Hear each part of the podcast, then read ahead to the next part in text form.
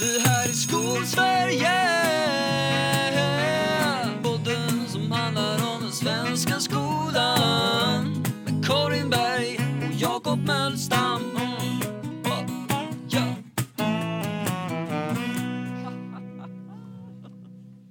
ja. Ja. Tryckte du på start? Tryckte du på record? Ja, det gjorde jag. Det gjorde jag, så nu kan man prata om sina krigsskador. Jag har ändå en distanskrigsskada. Vis, visste du det? Man kan få det av... Nej, Nej, berätta. ja, den är inte... Ja, men jag är helt säker på att vi kan tänka på krigsskador och så. Det tror jag verkligen vi ska göra. Men du, berätta om din krigsskada från att undervisa på Ja, distans. nej men min, eftersom man sitter så här med datorn så mycket och så många timmar så har Mm. jag, så har liksom min nacke, alltså sådär molande Mm. tråkigt låst sig ner i skulderbladet och ut i handen. Och det här uppmärksammade jag Mm. i juni och har fått en miljard olika övningar och olika liksom, saker att jag ska göra och hit och dit. Och det blir inte bättre alls. Och så nu så väntar liksom typ kortison inskjutet med sprutor och sånt kul. ja, för att jag ska... Ja, men jag fattar att det är en bra för- grej. Jag tänker också att det finns eh, träningar såklart i det. Du skulle möta min personliga tränare och diskutera det med skulderblad och eh, jobba vid dator, datorer och så. Mm. För att eh, det är typ hennes number one. Ja, men jag tror också på att det finns ju naturligtvis sätt att jobba på andra sätt och så. Jag, jag har ju ändrat och jag har även eh, liksom eh, ändrat sätt att eh, liksom sitta vid jobbet och jag, även när jag då inte eh, har jobbat som över julen och så nu så har jag ju liksom inte ens varit vid datorn och, och smärtan och domningarna är kvar. Så det, det som de konstaterade nu, eller sjukgymnasten konstaterade är väl att, att eh, det här är så illa, den här krigsskadan, Mm. att den läker sig inte själv, den behöver få hjälp. Nej, precis, precis. Och det där kan ju också vara en grej som faktiskt ska ackumuleras över tid. För man inte tränar liksom de musklerna så himla ofta regelbundet. Vanliga människor gör ju inte det. Nej, Och det finns ju saker man skulle behöva träna och som också unga människor behöver träna naturligtvis. Så det finns en del i det. Mm. Jag var hos min optiker för ett tag sedan som eh, eh, förklarade för mig en princip de har bland optiker. Och det här med datorarbete och så. Och där, för där finns också en skada du kan få som är att du fokuserar för nära för länge. Mm.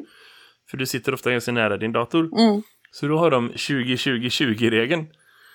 Eh, jag tänkte, okej, det här låter ju eh, som att någon försökt vara pedagogisk. Men eh, ja, konceptet är att var 20 minut så borde du ta en paus. Mm. Eh, kolla 20 meter bort i 20 sekunder. För att liksom typ träna liksom musklerna runt ögat som spänner om din syn. Liksom så. Mhm. Det är också en ganska bra tanke. Alltså det finns ju en massa Mm. sådana grejer man kan inkorporera in i, i sin undervisning om man nu ska undervisa på distans eller om man ska jobba mycket vid datorer och så. Man behöver ställa sig Ja. på sträcka på sig. Man behöver ställa sig på Ja. sträcka på sig ibland. Man behöver absolut eh, aktivera skulderbladen bättre. Träna de muskel, muskelgrupperna bättre och kanske ögonen också. Ja. Ja, om, om man behöver röra, jag, bruk- jag har, ja, ja men precis, man måste ha, men jag, jag har fått gå upp nu, liksom, och istället för att ta mig till jobbet så har, vi upp, har jag uppvärmning varje morgon. Eh, för att liksom vara, ha rört på mig och inte sätta mig vid datorn. Du vet, det finns ju en risk att man lagar frukost och så går alla, eller ingen går, för så har det ju varit den här veckan. För säkerhets skull att alla är hemma också. Eh, men, men, Mm. men, och sen så, så sitter man kvar där man käkade frukost och så jobbar man och så har man liksom inte rört på sig överhuvudtaget. Eh, det blir inte jättebra kan man väl säga. Eh, så nu har vi lite sådana övningar.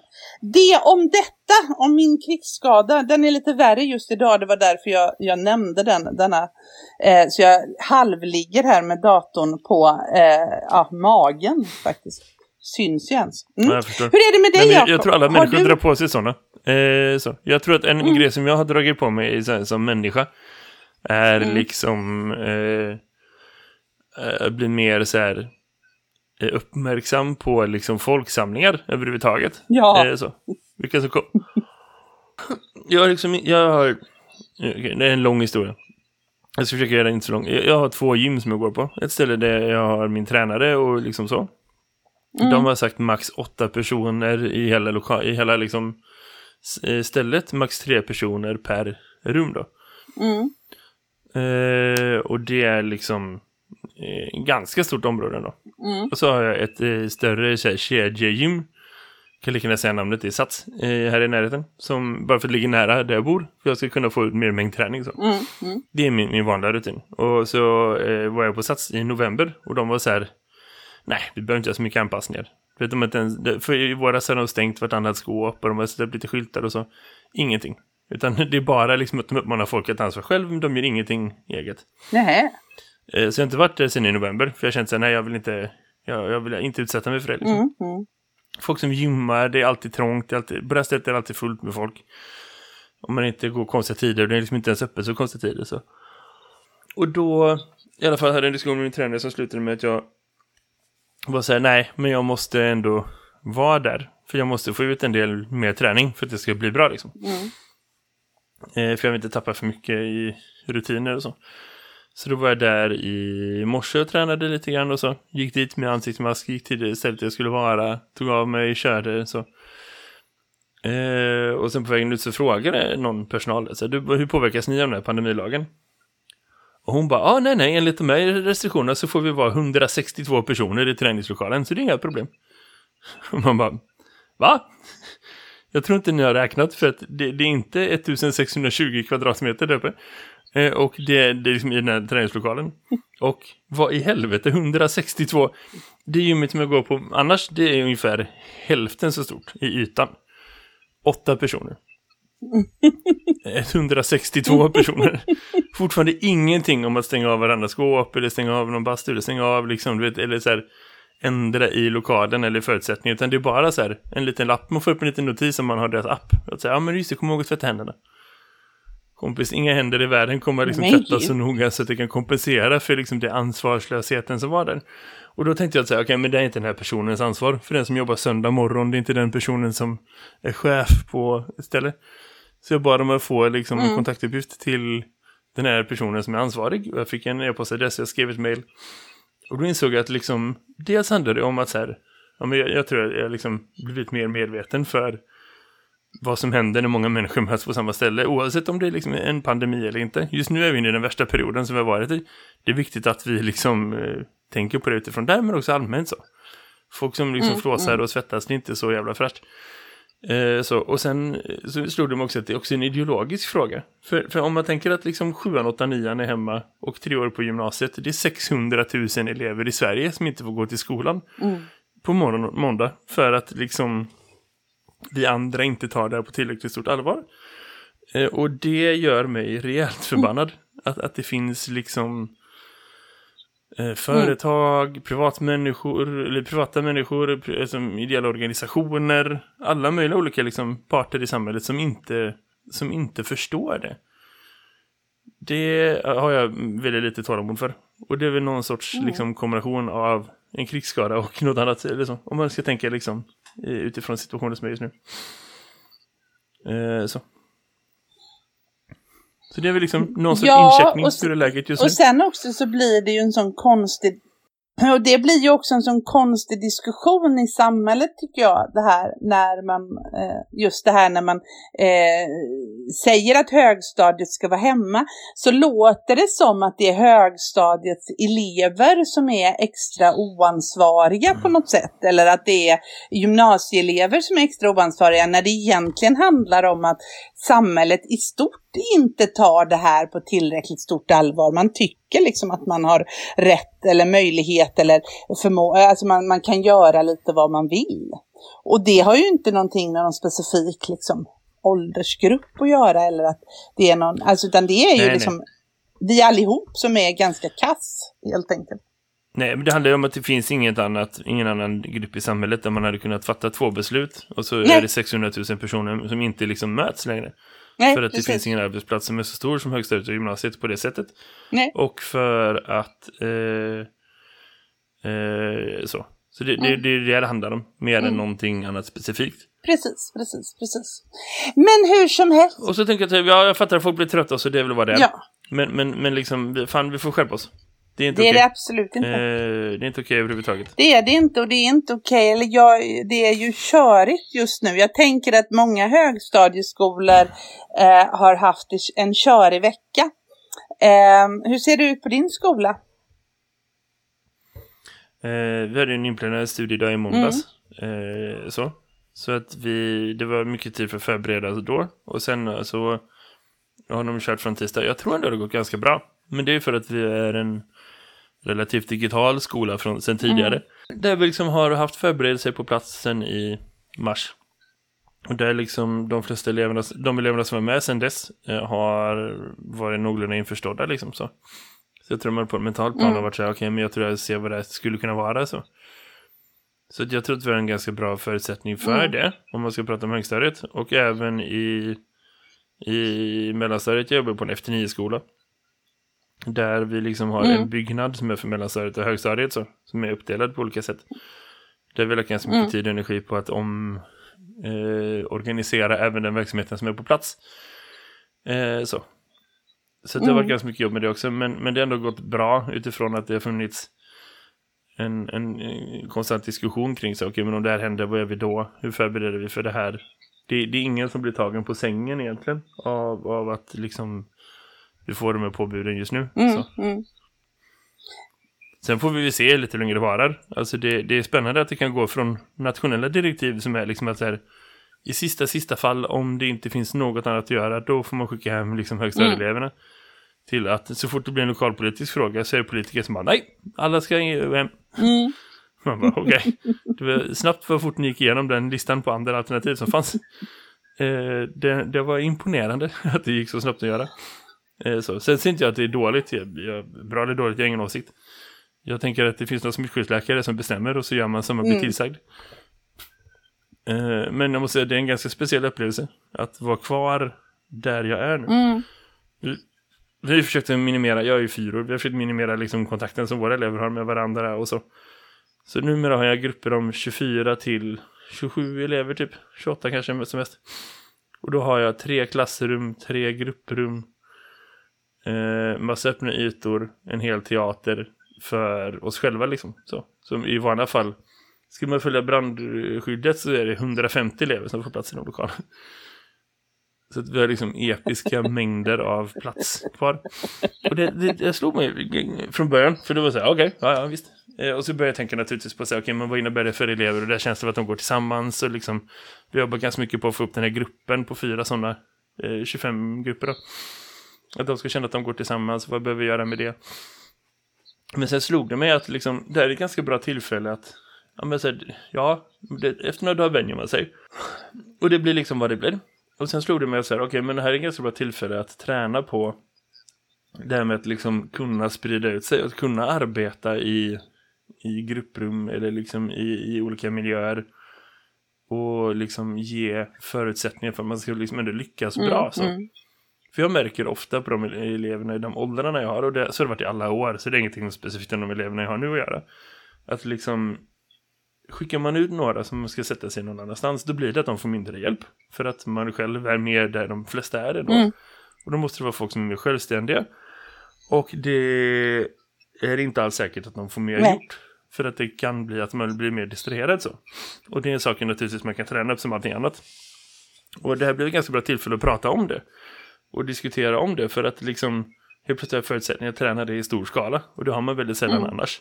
Så det har gjort att vi har dels pratat lite om liksom Okej, men vilka instruktioner behöver de för att liksom kunna sköta det bra?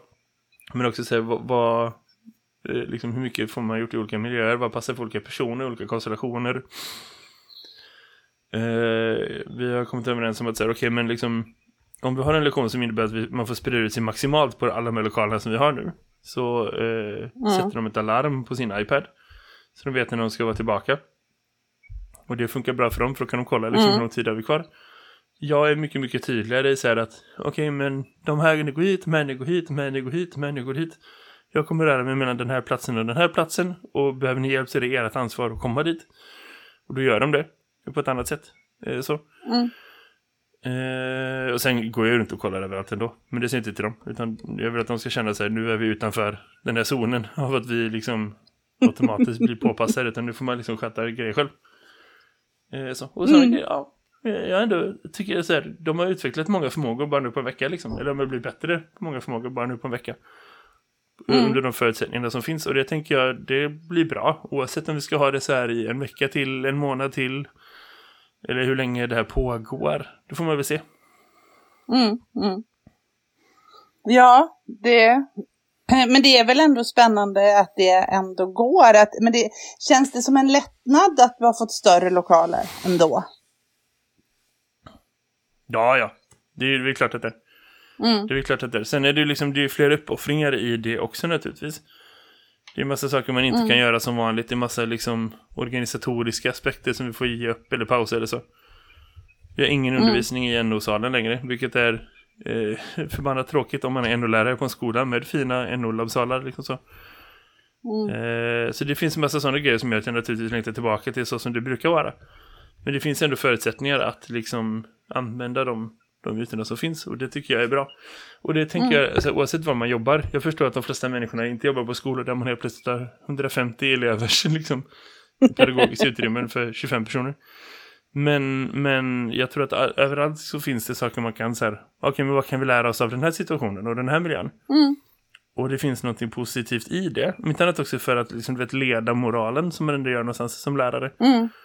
Att liksom när jag förklarade för dem i tisdags när de kom tillbaka att så här, hörni, vi ska ta alla våra grejer och flytta till en annan våning någon annanstans för att vi behöver sprida ut oss. Så, så är inte det så här, ja men det är för corona, nu behöver man vara orolig. Utan då är det så här, eh, helt plötsligt har vi värsta chansen och får det superlyxigt att testa det här som vi aldrig kunnat göra förut. Och det är bra, och då ska vi testa det. Och då är de ju så superpositiva, bara ja, grymt, klart vi måste göra det. Eh, och så Mm. eh, får man ju naturligtvis också poängtera att det är också på grund av liksom, minskad smittspridning. Så. Men då är inte det liksom huvudorsaken och då blir det en annan upplevelse, en annan, ett annat, en annan liksom erfarenhet. Mm. Och det tror jag man har ett ansvar för också naturligtvis. Eh, så. Mm. Jo men Det, absolut. det är nog någonting ändå i det som jag tror man missar. För jag, vad jag ser i olika diskussioner olika, liksom här och var, så är det ändå så här, det är massa, massa diskussioner om hur man ska klara övergången till att undervisa på distans. Och helt Mm. ärligt, den diskussionen har vi haft sedan i mars. Bör man börja den Mm. diskussionen nu så har man missat någonting. Alltså i sin egen utveckling liksom. Mm. Men eh, visst, det är ändå bra. Men, men vi kan liksom återkopiera en del av de råden om hur Google Meet funkar och hur man gör breakout rooms och så. Absolut, det är jättebra. Eh, jag säger inte att det är dåligt, men, men eh, det är inte heltäckande. Det är inte omfattande och det är viktigt att vi som inte påverkas av det ändå tar plats och diskussion för oss själva och för med varandra om något annat liksom så. Så att det inte blir att vi får dansa efter någon annans taktpinne, utan nej. Ja, det finns något i det. Ja men det finns ju absolut och det finns ju någonting i det när man jobbar då på en efter nio-skola som du gör att, att man faktiskt också Mm. får ta att det inte bara fokuseras på högstadiet just nu utan att ni som då blir kvar får liksom era pedagogiska diskussioner och de som är på högstadiet får sina. Det tänker jag är en, en liksom eh, ja, eh, viktig del. Alltså det, det finns inte så mycket pedagogiska diskussioner just nu för att vi är väldigt begränsade i mötessammanhang. Vi har inga möten alls. Alltså så. Om vi, vi är fem kollegor, ja, vi får inte det. Vi är fem kollegor, vi är bara på distans, men vi har ingenting som är på plats. Vi har, I vanliga fall är vi fem kollegor som delar på ett kontor som kanske är för sju personer. Mm. Vi har ju på samma sätt också fått dubbelt så stor yta. Så jag och min ena kollega, vi delar på ett Mm. kontor som är liksom... Det är stort som ett klassrum Mm. typ. det, är så här, det är helt absurt hur, mycket, hur stort det egentligen är. Och så sitter de andra på ett annat ställe. Och jag menar, ja, man får ju springa och hämta material och så. Men det är inte som att vi allihopa sätter oss ner och har värsta långa diskussioner. Hur går det här? Och så. nej, nej. Utan nu, det handlar ju bara om att ta sig igenom. Ja, men jag tänker att, för vi har ju ändå samtal över, över nätet, alltså över sådana här samtal, över, över Meet och så. Ja, jo, visst, eh, lite grann. Men jag vet inte, ibland känner jag att det är kvaliteten på dem är så låg. Motsvarande liksom undervisning på plats kontra undervisning på distans. Att liksom det, det, det blir väldigt så här, okej men hur gör vi nästa vecka? Vem sköter det här? Liksom, det blir väldigt praktiska Mm. samtal. Det blir aldrig, man kommer in på de djupa, så är det inte för oss. Vi kommer inte in på de här stora pedagogiska diskussionerna om liksom, Nej. hur vill vi ha det och hur är det just nu och så. Mm. Det, det ryms inte. Det kanske också är för att vi har fått lösa lite så här släcka lite bränder nu en vecka. Men det, Nej men jag tänker ändå så här, för jag har ändå, jag såg nämligen så här, när det här liksom kom, den här högstadiet, så, Mm. så fick ju jag, dels så fick ju jag en, en situation här hemma i förra veckan då med liksom massa ungar. Alltså jag fick ju min högstadieson Mm. här hemma också.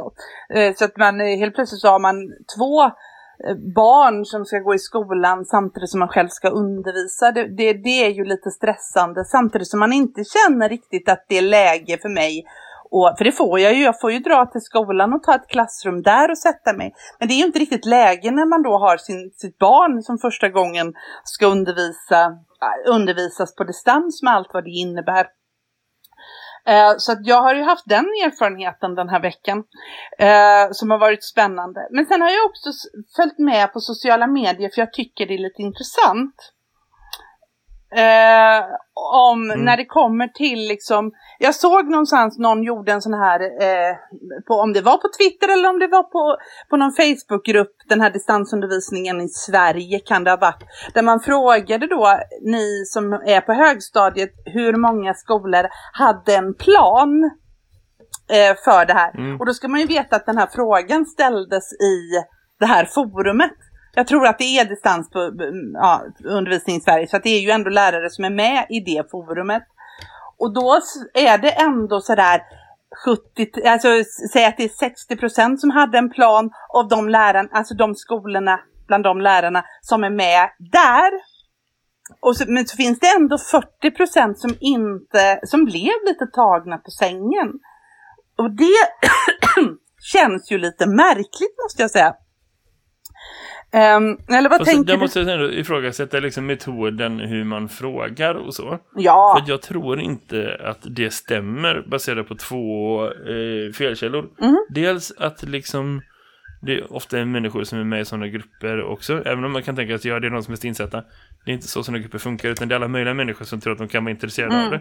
Så det kan vara folk som säger det finns en plan i min skola men jag vet inte om den för att jag har inte kollat. Eller så jag har inte fått höra den. För det har inte kommunicerats med mig än. Det kan vara det ena. Och det andra kan vara att det finns en plan men att man tycker att den inte är det man själv vill se. precis. Och därför säger man att det inte finns. För man, man tycker att det är för stora Mm. hål. Säg exempelvis att det du letar efter är en exakt lektionsplanering. Med exakt så här, du ska göra det här första dagen, det här andra dagen. Alltså det kan vara folk som tycker att så här, får jag inte det så vet jag inte vad jag ska göra. Eh, så, som behöver få alla meetkoder lösta eller som behöver få alla liksom, Teams-rum skapade eller vad man nu håller på med. Mm, mm. Och, och då svarar man ändå nej fast att det kan mycket väl finnas. Men att det som finns där är så här, du ska följa ditt ordinarie schema via Classroom och lämna ut uppgifter, punkt. Det är en plan. Det är inte en bra plan, men det är en plan. Så att jag, jag tror inte att det stämmer. Ja, men det- att det- men det är 40% av absolut- Sveriges högstadieskolor inte har det. Nej, men det, och det var inte Sveriges utan det var ju de som svarade. Men jag tyckte ändå det var förvånansvärt. Och, men det jag har sett är väl att jag har sett, eh, jag, jag vet ju att vi länge brottades i vårat system.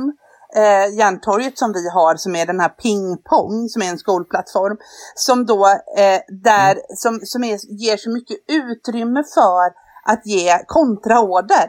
Den, den ger nämligen oändlig valfrihet till läraren att designa sin yta lite som den vill. I alla fall om man bygger det på aktiviteterna i Järntorget, att det blir ett för varje ämne.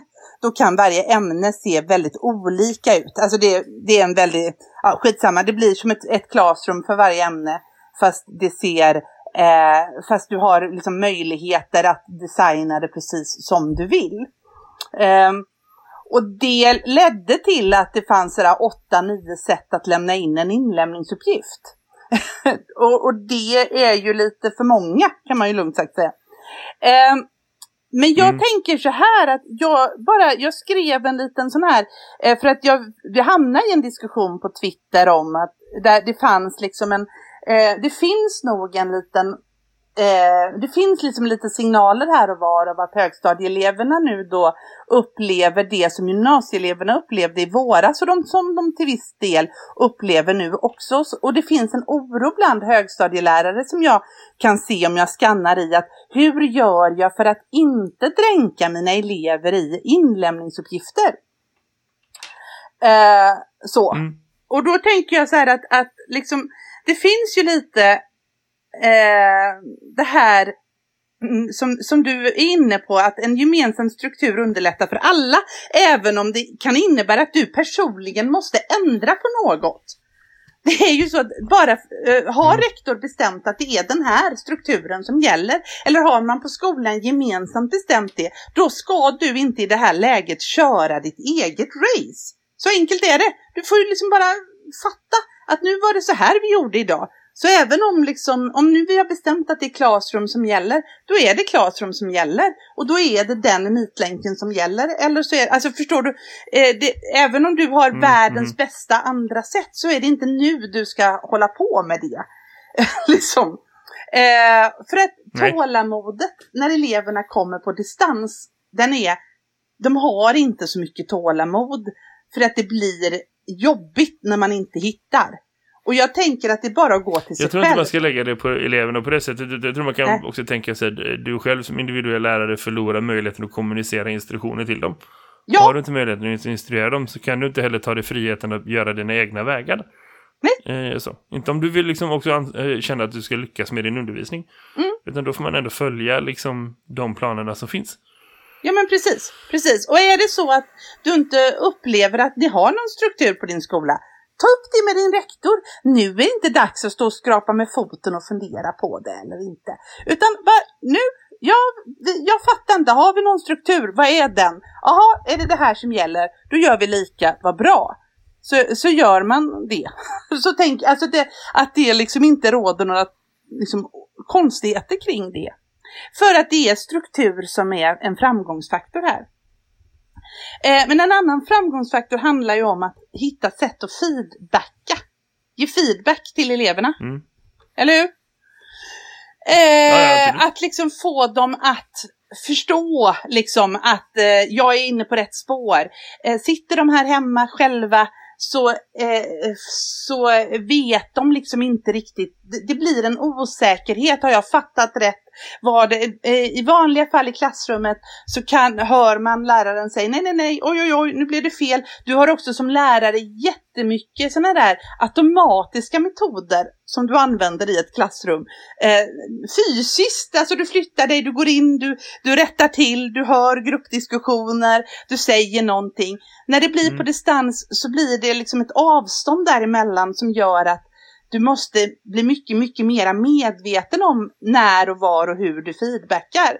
Eh, och det, då kan det vara en smidig grej att ha liksom ett självrättande quiz eller något sånt liksom som, som eh, i slutet på lektionen som liksom har alla koll på det här begreppen nu vi jobbade med eller har alla koll på så att eleverna känner det skulle kunna vara ett sätt. Ett annat sätt är att du liksom följer med i, eh, alltså att du lyssnar, att du tar, tar grupperna, smågrupper för sig och låter andra grupper jobba för sig. Alltså att du lyssnar in. Eh, du ber dem svara på några specifika frågor så märker du om de har feltänkt någonting eh, och så vidare. Men alltså det är frågor som gör att du har liksom koll på var de är på väg någonstans. Inte frågor som, inte instuderingsfrågor eller den typen av arbete utan mer övergripande frågor. Så att du är med på att de eh, får till det. Eh, en sak som var väldigt Mm. lyckat häromdagen var ju att eh, mina elever som gjorde, vi skulle ha ett grammatikprov. De fick göra en, samma typ av prov två veckor innan. Eller en vecka innan, alltså eh, någon lektion innan.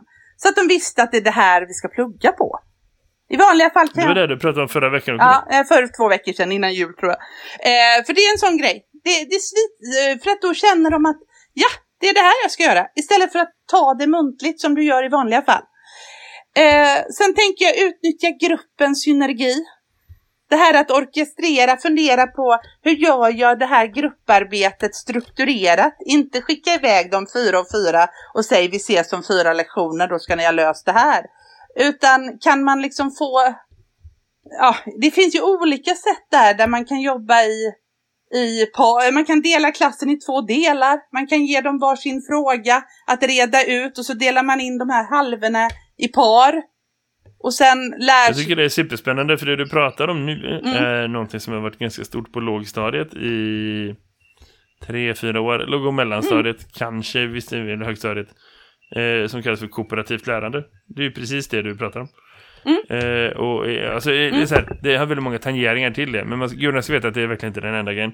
Men någonstans, för att sammanfatta det du, du pratar om så är det så här att det finns i designen, vi går alla in i det här rummet och har en lektion i religion mellan 13 och 14 på tisdagar fördelen att man har kontakt med varandra och det är ganska lätt för dig att vara närvarande lärare för att du är på Mm. samma ställe som dem. Och har man inte den fysiska kontakten så behöver man anstränga sig i sin lektionsplanering för att skapa det på ett annat sätt.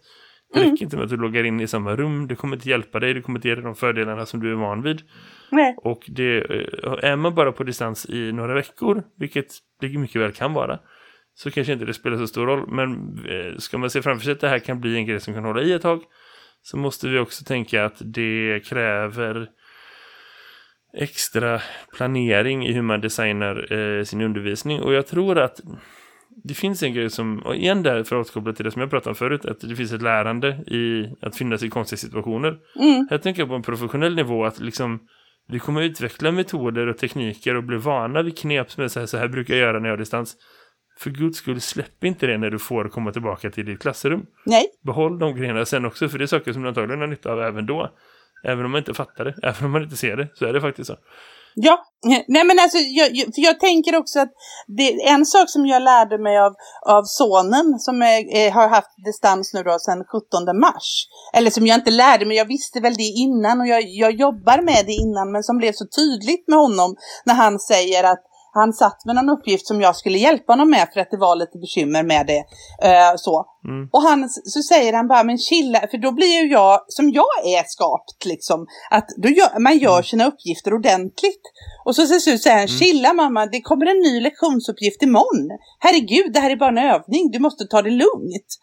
Eh, det hade han fattat. Och, jag är, eh, och det tänker jag är också viktigt att vi som lärare någonstans skiljer jättetydligt på i kommunikationen med våra elever. Att nu gör vi det här, den här uppgiften, den här diskussionen har vi nu i de här grupperna och så vidare. Och det gör vi för att vi övar för att vi ska lära oss det här. Och sen blir du examinerad på det längre fram. Men det är inte så att varje inlämning, alltså om du nu dränker dina elever i uppgifter och att det då ska bli bedömningsmaterial alltihop, då blir det ju liksom helt ohållbart för alla inblandade. Eh, så. Eh, och jag tänker också dela, använd de här funktionerna eh, som när du kan dela. Skapa powerpoints där grupper skriver i varsin slide. Det är det mest effektiva som finns. Det gör jag faktiskt i vanliga fall också. Eh, att man, om man nu ska ha en introduktion i eh, språkhistoria. Jag kan dra den som en föreläsning. Eller så ger jag dem, leta reda på de här fem punkterna och sen drar vi det för helklass och så har de byggt en powerpoint som alla delar. Som alla når, alla kan skriva i, alla kan jobba med. Och så får vi fram ett gemensamt klassdokument om grunderna i språkhistoria. Skitfiffigt, går att göra på en lektion. Eh, man del, eh, den här dela-strukturen är ju hur smart som helst. Eh, det är lite Mm. sådana små saker jag tänker kan eh, hjälpa till här i livet. Jag vet inte. Eh, det var sånt jag Mm. tänkte på. Eh, men också, ja, det här att läsa in texter är också smart. Så att eleverna kommer ut och går. Eh, Ja. ja, det gör, det, samla ihop er i ämnet, läs in dem var och en om det inte finns på inläsningstjänst och sådär. Om du väljer en artikel och ni inte har någon bra sån eh, röstsyntes. Läs in dem, det tar inte så jävla lång tid. Så kan de gå och röra på Gör sig. inte det och det är inte så svårt jobb och det, det är mm, faktiskt värt det. Det är värt det där alla sätter dagar. ju gränsen också för liksom, vad är det som menas med alltså, att förbereda en lektion och så. Mm. För det kanske inte är någonting som lärare skulle ta på sig ansvar för att göra annars. Nej. För att vi inte haft tekniken för det. Alltså om jag tänker här, tillbaka till tio år sedan, inte tillbaka innan till corona, men liksom så. Mm. Eh, 10-15 år sedan så kanske inte var så många som gjorde det för att vi, det var inte så lätt tillgängligt. Men nu för tiden räcker det med att ha tillgång till en mobil så kan du spela in en bra eh, liksom ljudfil och så är det bra. Mm. Så det, det är inte så svårt att sätta sig och göra och det är det är värt det. Så jag tycker ändå att det ingår i bra lektionsdesign faktiskt. Ja, Eh, om man har många elever som man vet tycker det är svårt att läsa så har man massa elever som allihopa läser asbra och som ingen eh, har svårt att liksom ta till sig text så är det så okej, okay, fine, då behöver du inte. Men, men någonting som att ganska få elevgrupper ser ut som nu. Nej men jag, och jag dessutom, jag menar nu så skiter jag i det för nu handlar det ju också om eh, litter, litteraturpromenad eller språk. Alltså man kan ha en promenad och så lyssnar man på en artikel samtidigt. Eh, så rör man på sig när man, eh, med tanke på hur stillasittande de blir när de sitter stilla hela dagarna framför datorn. Vi ser att de sover sämre, vi ser att de rör sig mindre. Ja men okej, då har vi en, en eh, liksom, litteraturpromenad där man då läser någon artikel eh, som, som då tar en stund eller ett, ett kapitel eller någonting som man lyssnar på. Och så, men man måste röra på sig under tiden. Det blir en hälsofrämjande grej för alla som är så superenkel att göra som gör att alla mår lite bättre. Just det. Just det. Eh, så det är smart. Eh, sådana små enkla knep och tricks kan man ju ägna sig åt om man eh, vill.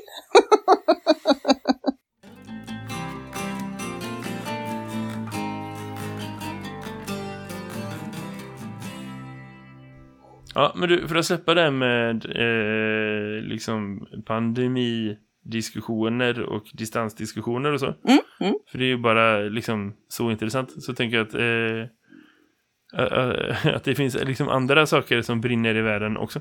Nej, det är inte det som jag tänker. Så jag tänker så här, är, vi ska inte prata skola, vi ska prata undervisning. Det är det som är intressant. Mm. Eh, så, och, och, i det så hade jag en... Stund under jullovet, från slutet av jullovet, när eh, jag har fått höra från flera personer så här, ja men du borde kolla in den här eh, David Attenborough-serien eh, på Netflix. Han har ju sett en serie på Netflix som heter Our Planet. Mm. Och jag tänkte, ah, ja men det blir ungefär som Planet Earth eller de här, det är bra. Eh, så. Mm. Eh, och så fattade jag inte från början att det var liksom en specialavsnitt av den eh, serien som man också hade gjort. Tillsammans med WWF och med eh, eh, Netflix som är liksom en kombination av en biografi över hans liv. Han börjar ju bli till åren nu. 93 år är han. Oj. Eh, och liksom eh, eh, en, en naturfilmsdokumentär och i, i hans stil, vilket i sig bara är värt att kolla på. Och en, en, film om klimatkrisen och så. Eh, för det är ju liksom hans han, han lägger upp det och presenterar det som att det är så här, hans budskap till till mänskligheten, liksom hans vittnesbörd och hans framtidsvision. Så. Mm, mm. Eh, 90 minuter tänkte jag, ja, men det är värt att kolla på. Liksom, om inte annat, av respekt för att Karn är 93. Liksom. Så. Eh, så jag kollade igenom den och under tiden blev det så här, det är naturligtvis saker som jag eh, känner till sedan tidigare som, som liksom NO-lärare någonstans. Men, men jag, jag slog, det slog mig en så stark känsla av att så här, nej, men jag vill inte jag vill inte liksom undervisa om NO som handlar om någonting annat än det här. Det är så jäkla bakvänt att liksom eh, vi står inför en enorm global kris som är större än, än, än corona på många, många, många sätt. På mm. alla sätt. Mm, mm. Men som folk inte förstår för att den allmänna utbildningsnivån när det kommer till naturvetenskap är för låg. Och att den allmänna prägen av liksom eh, hur, i vilken utsträckning präglas politiska beslut som påverkas alla av fakta mm. är för låg. Så. Mm. Och, och, då kan inte jag ta ansvar för att liksom möta unga människor varje vecka och undervisa dem om naturvetenskap och, och låtsas att det inte finns. Eh, så. så jag säger, nej men det här måste prägla mig mycket mer i, i budskap och i vad jag gör. Eh, så. Och så vill jag också, så stod de också säga, men jag skulle vilja visa dem den här filmen. Jag skulle vilja att de fick ta del av liksom hans vittnesbörd och hans framtidsvision. Så. Mm. Eh, till saken är att jag har elever årskurs fyra. De är tio. Eh, så deras engelska kunskaper varierar från att vara super YouTube expert level till att vara liksom inte riktigt där än. så. Eh, så det är det ena, för den här filmen finns inte på svenska. Den finns på engelska med svensk text, men den är liksom inte översatt. Mm. Eh, och så finns det någonting eh, på ett känslomässigt plan som jag insåg var superbetydande för mina elever också. I David Attenborough och hans berättarröst. För att han har ju liksom, du vet en sån här pensionärs sagoberättarröst. som i sig är liksom fascinerande. Mm. Eh, så det, och det, jag har fyra grupper så jag har haft undervisning i alla fyra grupper. Och de har allihopa varit så här, ah, det är helt sjukt. Så de är med på det också. Mm. Så, på ett sätt som är roligt. Och i det så, eh, ja men jag vägde mycket fram och tillbaka och så, jag tror inte riktigt på liksom lektionsupplägget så här, visa 90 minuter film. Eh, jag tror inte att det är effektivt, jag har inte lektioner som är så långa, jag tror inte bara börja kolla och sen kolla färdigt utan att kommentera. Och så vill jag inte bara visa dem och tänka att de ska tänka en massa saker utan jag vill att det skulle landa fram i, i någon sorts konkret handling liksom. Mm, mm. Så då slog det mig att okej, men om jag lägger två, två lektioner, det är 120 minuter ungefär. Och så eh, började vi prata lite grann. Så vad jag gjorde var att jag tog fram en bild, jag bildgooglade upp eh, honom. Och hittade en bild när han går i någon park med drottning Elisabeth typ. Mm. Eh, och så bara tog jag från den bilden så fick de börja fundera på så här, men känner igen de här personerna? Och någon var så här, är det kungen och drottningen? Ja, typ. Det är någon drottning så. Eh, jag har några elever som är lite bättre koll på Storbritannien av olika skäl. Som är så här, ja ja men det är drottning Elisabeth. Ja precis, precis. Så började jag förklara sen här, du vet, det är en stor ära att få träffa henne och de här två är kompisar och han har gjort samma sak hela sitt liv. Han är 93 och håller på med det sedan han var 20 typ. Och de bara, va vad konstigt. Och började förklara sig hur det går till när man blir adlad och liksom grejen med att kalla honom för Sir David Attenborough och så. Mm. Och de var så här, plötsligt super, super nyfikna. Så, men vad har han gjort då? Berätta, hur kan, vad, vad är grejen liksom? Så började vi prata lite om det och då slog det mig att så här, om jag visar trailern för den här dokumentären, för det är ändå Netflix och de släpper trailers på YouTube, eh, så är det liksom en två minuters variant, så kan vi kolla på den och så kan vi prata om det, så får alla med sitt huvudbudskap först. Eh, och sen så kan vi börja kolla på det, för då vet de ändå vart, då får de en kontext som är så stark att de egentligen inte skulle behöva se resten. Eh, så då gjorde vi det. Mm, mm. Och direkt de var så ja ah, det är sant, han har värsta bra berättarrösten. Eh, och så förklarade jag för dem att liksom, ja, men jag har diskuterat med några olika lärare lite här och var. Så här, är det här en bra grej att visa folk som är i eran ålder? Och kommer det funka? Och kommer de fatta? Och, eh, vad tror ni skulle kunna vara argumentet för och emot? Och de var så här, jo men för är nog att det är väldigt viktigt att vi vet, för det här låter superallvarligt. Man bara, ja precis. Ja, emot kanske att det är på engelska och det kan vara svårt för några. Ja, precis. Ja, men då kan man bara pausa och, och, och prata om det så att alla fattar. Ja, det är bra. Det, det var det ändå det jag tänkte göra. Men jag fick det till att de skulle tro att det var liksom deras idé.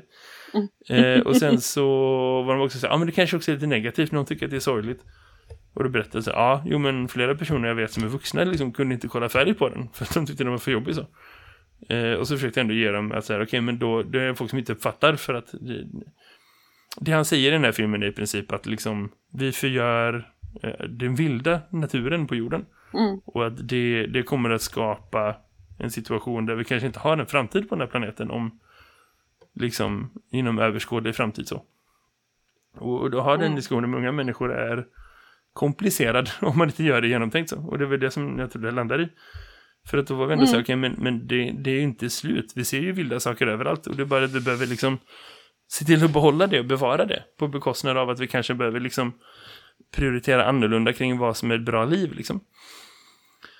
Eh, så då, då, eh, och det är det vi ska komma fram till och det är det han pratar med under den trailern så de, de fattar ändå lite grann om det. Och så börjar de kolla och så eh, eh, eh säger till dem säger vill att ni ska anteckna under tiden ni kollar. Skriv ner tre, fyra, fem saker under, under hela den här tiden. För då kommer ni komma ihåg även nästa gång vad det vi pratar om nu. Eh, och för att det ska bli super, super enkelt så skriver jag upp på tavlan några så här grejer som man kan härma liksom. Om, för det ska vara superenkelt. Så de, de som inte hänger med, de bara ser okej, tavlan, fint, jag skriver av. Och så kollar man på fina djur och natur och så kan man släppa upp och så blir det bra. Och de var så, ja ah, men bra. Den liksom ordningen kom vi fram till tillsammans. Av en slump i alla fyra grupper. För det är så jag leder mina elever fram. Eh, och då Älskar sånt! började de igång. Ja, ja visst. De bara, jag är helt med. Det gör man på Eh, gymnasiet så, och sen så, ja, ja, ja, men det, det är bara undervisning. Så, det är ledarskap. Mm. Eh, och då eh, började vi med det.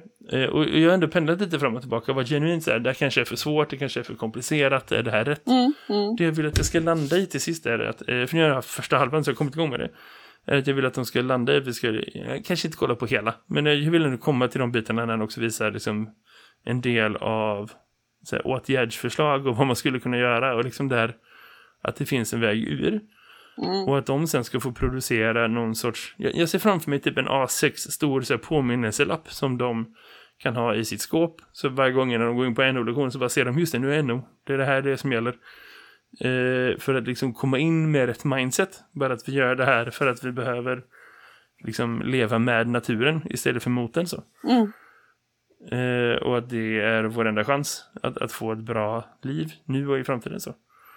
Eh, och så tänker jag också försöka dokumentera det och använda sådana små, eh, de bilderna av deras liksom, eh, det som det ledde fram till i, som så här, uppstartsbilder i, inför lektioner och så. Mm. Det var väldigt intressant och det fanns många saker i det och jag tror att jag menar, det som har gjort David Attenborough stor är just hans förmåga att berätta och sammanfatta och sätta saker i ett sammanhang. Och han pratar väldigt öppet om det i den här filmen på ett sätt där han väver ihop sin berättelse med eh, jordens berättelse så. Han Mm. berättar om när han var ung och liksom han, han blev liksom, han fick de uppdragen att börja resa runt för BBC samtidigt som det kom flyg så det var inte så himla komplicerat och in, folk hade aldrig sett liksom vilda djur så det var bara att visa dem så men med tiden så blev det mer och mer komplicerat och så, så klipper de in så här skär, skärmar då och då i, i hans berättelse från olika årtal. Första gången är när han är typ 10 och liksom letar fossil i något stenbrott någonstans. Mm. Och då får man se så här, befolkning på jorden, koncentration av koldioxid i atmosfären och eh, hur många procent av jordens liksom, yta som är fortfarande är vild natur. Så. Mm. Eh, så får man se samma statistik hur det utvecklas över tid. Och så liksom kan man själv räkna ut att det blir fler och fler och det blir sämre och sämre. så. Ja, ja, ja, ja, ja. Och så pratar de i sin i, i narrationen till det här då, att liksom att eh, han är så himla nöjd och så himla tacksam att han fick växa upp i den tiden som han levde. För att han inser att så här, det var den perfekta tiden. Men det kan bli det igen också om vi liksom anpassar och gör om. Så. Mm. Väldigt, väldigt bra eh, film. Kan varmt rekommendera den. Kan lägga trailern på vår hemsida kan man gå in och kolla på den. Om man inte har gjort det förut. Nej, men Och En absolut. grej som jag tog med mig i diskussionen inför det här när jag pratade med en god vän om så här, är det här rimligt eller inte och liksom eh, vad har man för ansvar kring att eventuellt utsätta någon för någon sorts klimatångest kontra liksom att undervisa om, om saker som finns på riktigt och så. Så eh, börjar han balla ur och börjar eh, citera Kierkegaard och grejer. Men, men det, är- det, det är också det jag uppskattar hos goda vänner att de, man kan göra. Men liksom då börjar vi prata om eh, vad det är som skapar ångest och vad det är som liksom eh, gör att det ändå är viktigt att undervisa om allvarliga saker. Mm. Och att den, den fina, den tunna liksom linjen mellan vad som är bra och dåligt i det sammanhanget handlar om att eh, fortfarande låta elever vara de som är liksom de som har agens, de som kan göra någonting åt det. Eh, Mm. så. Och, och, och det tror jag man behöver göra i all undervisning som, gör, i, som handlar om samhället och världen överhuvudtaget. Att man behöver liksom prata om saker men på ett sätt så att det inte bara blir man raljerar och liksom alltså halva runt utan att det blir så här, okej men så här är det och det här gör vi åt det. Mm. Att man behöver gå hela den linjen och det har jag tänkt på sen dess för det, det präglar egentligen samtal med vuxna hur jag vill vara då eller liksom vad vi gör med den här podcasten eller vad vi gör med våra kollegor i, i personalrum eller liksom vad vi gör med elever i alla sammanhang som finns. Det är lätt att man missar den här biten, vad gör, det här gör vi åt det. Att man bara så här, pratar om problem Ja, men utan att göra mer än att konstatera att de finns där. ja. Och det, och det är ju det som skapar ångest på något sätt. När du bara maler problemen, problemen, problemen och inte maler och inte säger att nu får Mm. vi göra så här eller nu har vi en. Och jag tänker på det när du pratar att du säger att liksom det här är årskurs fyra elever som ska se en ganska komplex eh, eh, liksom dokumentär, skulle vi, man visa den på gymnasiet kan jag mycket väl tänka mig att man tjoffar ut den och så får alla se den. Är du med? I 90 minuter. Mm. Utan den här diskussionen. Och då styr du, och, och utan att pausa och utan den här medvetenheten. Eh, Mm. Och då tror jag ju att du liksom på något sätt skapar en axelryckning alternativt ångest istället för just det här, vad gör vi åt det? På något sätt. Mm. Alltså att, att man även, vi, vi missar ofta det är fan inte så lätt att liksom eh, som professionell så har du ju också ett ansvar när du, när du att ta upp saker som är angelägna men som också eh, alltså just det här att ge man verktyg att faktiskt använda den kunskapen som man får till att göra någonting som blir bättre när de får makten. För det är ju egentligen det vi håller på med. Vi jobbar, utbildar ju en massa människor som ska ta makten över samhället och över oss. Och bli, göra det lite Mhm. bättre än vad vi gjorde. Eh, och alltid, alltid behöver inte hända i klassrummet eller i, Nej. i klassrumsmytet eller i, i vad man nu har för forum. Liksom, utan det kan ju vara att man liksom ger dem verktyg att ta med sig saker vidare. Men att Mm. en del av det, för att det ska bli som du säger, att, att man känner den här gränsen över att det är mitt område. Det är ju dels, det, det är några saker. Dels att vi som, som presenterar Mm. dem för material tar ansvar för att sätta det i ett sammanhang som passar dem. Den här filmen är super, super bra. Det skulle inte få mig det minsta om han Mm. vinner en Oscar för bästa dokumentärfilm. Eh, för, för det. För det är liksom den nivån av kvalitet som det här är. Eh, alltså bara, bara för den här Mm. filmen. Även om han har en hel livsspann av fantastiska naturdokumentärer. Sättet som man har presenterat klimatkrisen så har det aldrig gjorts förut. Det är ju inte i den här Al Gore-filmen, aldrig någonsin förut. Så, så det är liksom super, super tydligt. Eh, så, så det är en grej. Eh, och, och liksom så. Men, men det är ändå så att det är inte anpassat för elever. Det är inte anpassat för unga människor. Oavsett om de är 10 eller 20 eller så. För det finns massa bakgrundsfakta. Nej. Ett sånt exempel är när de börjar prata om att han har en långt utläggning om liksom hur när vi fick se världen och se djur och natur och fick uppleva den så förändrades vår inställning till den. Och han pratar om att sen man börjar filma och spela in ljudet av valar och valsång. Och att det finns en direkt koppling mellan det och att folk börjar protestera mot eh, liksom att man slaktade val. För det är egentligen det det handlar om. Det är inte någon jakt eller något så här, åh, vi- så utan man liksom systematiskt slaktade för att det var, det var billig källa för olja och kött. Liksom så. Mm. Eh, och då visar de några klipp från liksom så här Greenpeace-aktivister som åker ut och försöker prata med någon så här, valfångst, liksom, eh, båt så. Eh, och, och det, är liksom, det är paketerat på ett sätt så att folk som förstår den bakgrundshistorien förstår vad det var för miljörörelse, förstod vad det handlar om och förstod hur starkt det var så. Men det finns inte någon människa född efter år 2000 som kan förstå det Nej. som kan relatera till det. Det är nästan så att folk i min ålder inte kan förstå det. Nej. För att vi- var inte riktigt med då, eller så. Och, och där får man ändå pausa och här, okej men hörni, det som händer här är så här. Mm. Det här är vanliga människor som åker ut och pratar med båtar och säger, hallå vi, vi representerar män och kvinnor och barn som vill att ni inte ska göra det här. För att de förstod för första gången att det här är inte dumma djur. Mm. Eh, så, och då blir de så här, jaha, okej, smart. liksom så. eh, så det finns någonting i för att liksom lära leda sådana upplevelser också. Mm. Ja, jag vet inte, det var grymt intressant. Eh, Det var en väldigt bra erfarenhet och jag- tror att man behöver fokusera på sådana grejer också. På samma sätt som man- fokuserar på så här, teknik och liksom eh, hur gör man med, med tips om liksom, infrastruktur i olika undervisningar så behöver vi prata undervisning också. Nej, gud Eh, ja. Vi behöver dela sådana tips med varandra. Man behöver dela färdiga idéer. Det upplägget som jag med mina elever skulle mina högstadielärarkollegor kunna göra på distans på måndag om de ville. liksom så. Mm. Eh, och jag tror att det finns en poäng Mm. med att dela sådana upplägg mellan varandra också. För att det Mm. sänker tempot, det höjer kvaliteten på undervisningen och det, det gör det lite lättare att ta sig igenom den situationen vi är i.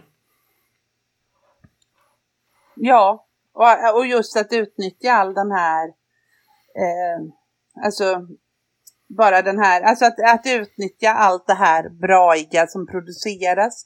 Vi har ju idag tillgång till otroliga mängder bra material som du, när du, och så, och, men, då, det- men det är lite bra då att inte bara spy ur säger liksom titta på den här filmen eller gör det här utan att det då ändå byggs upp med bra undervisning i kombination. Jätte, jätteviktigt. Eh, och det är superviktigt. Eh, bara för att eh, liksom eh, innan vi rundar av här så har ju även SVT presenterat nu för alla som försöker undervisa. Jag sa ju någon gång i podden här att jag skiter i lyriken. För jag, den blir så platt Mm. på distans. SVT har gått mina böner till mötes och eh, eh, har släppt både säsong ett och en helt ny säsong av Helt lyriskt där kända popartister tolkar våra klassiska poeter. Alltså förstår du vilken jävla guldgruva? Helt lyriskt på SVT Play. Ska jag ta och kolla in? Ja. Ja men det kan du kolla in.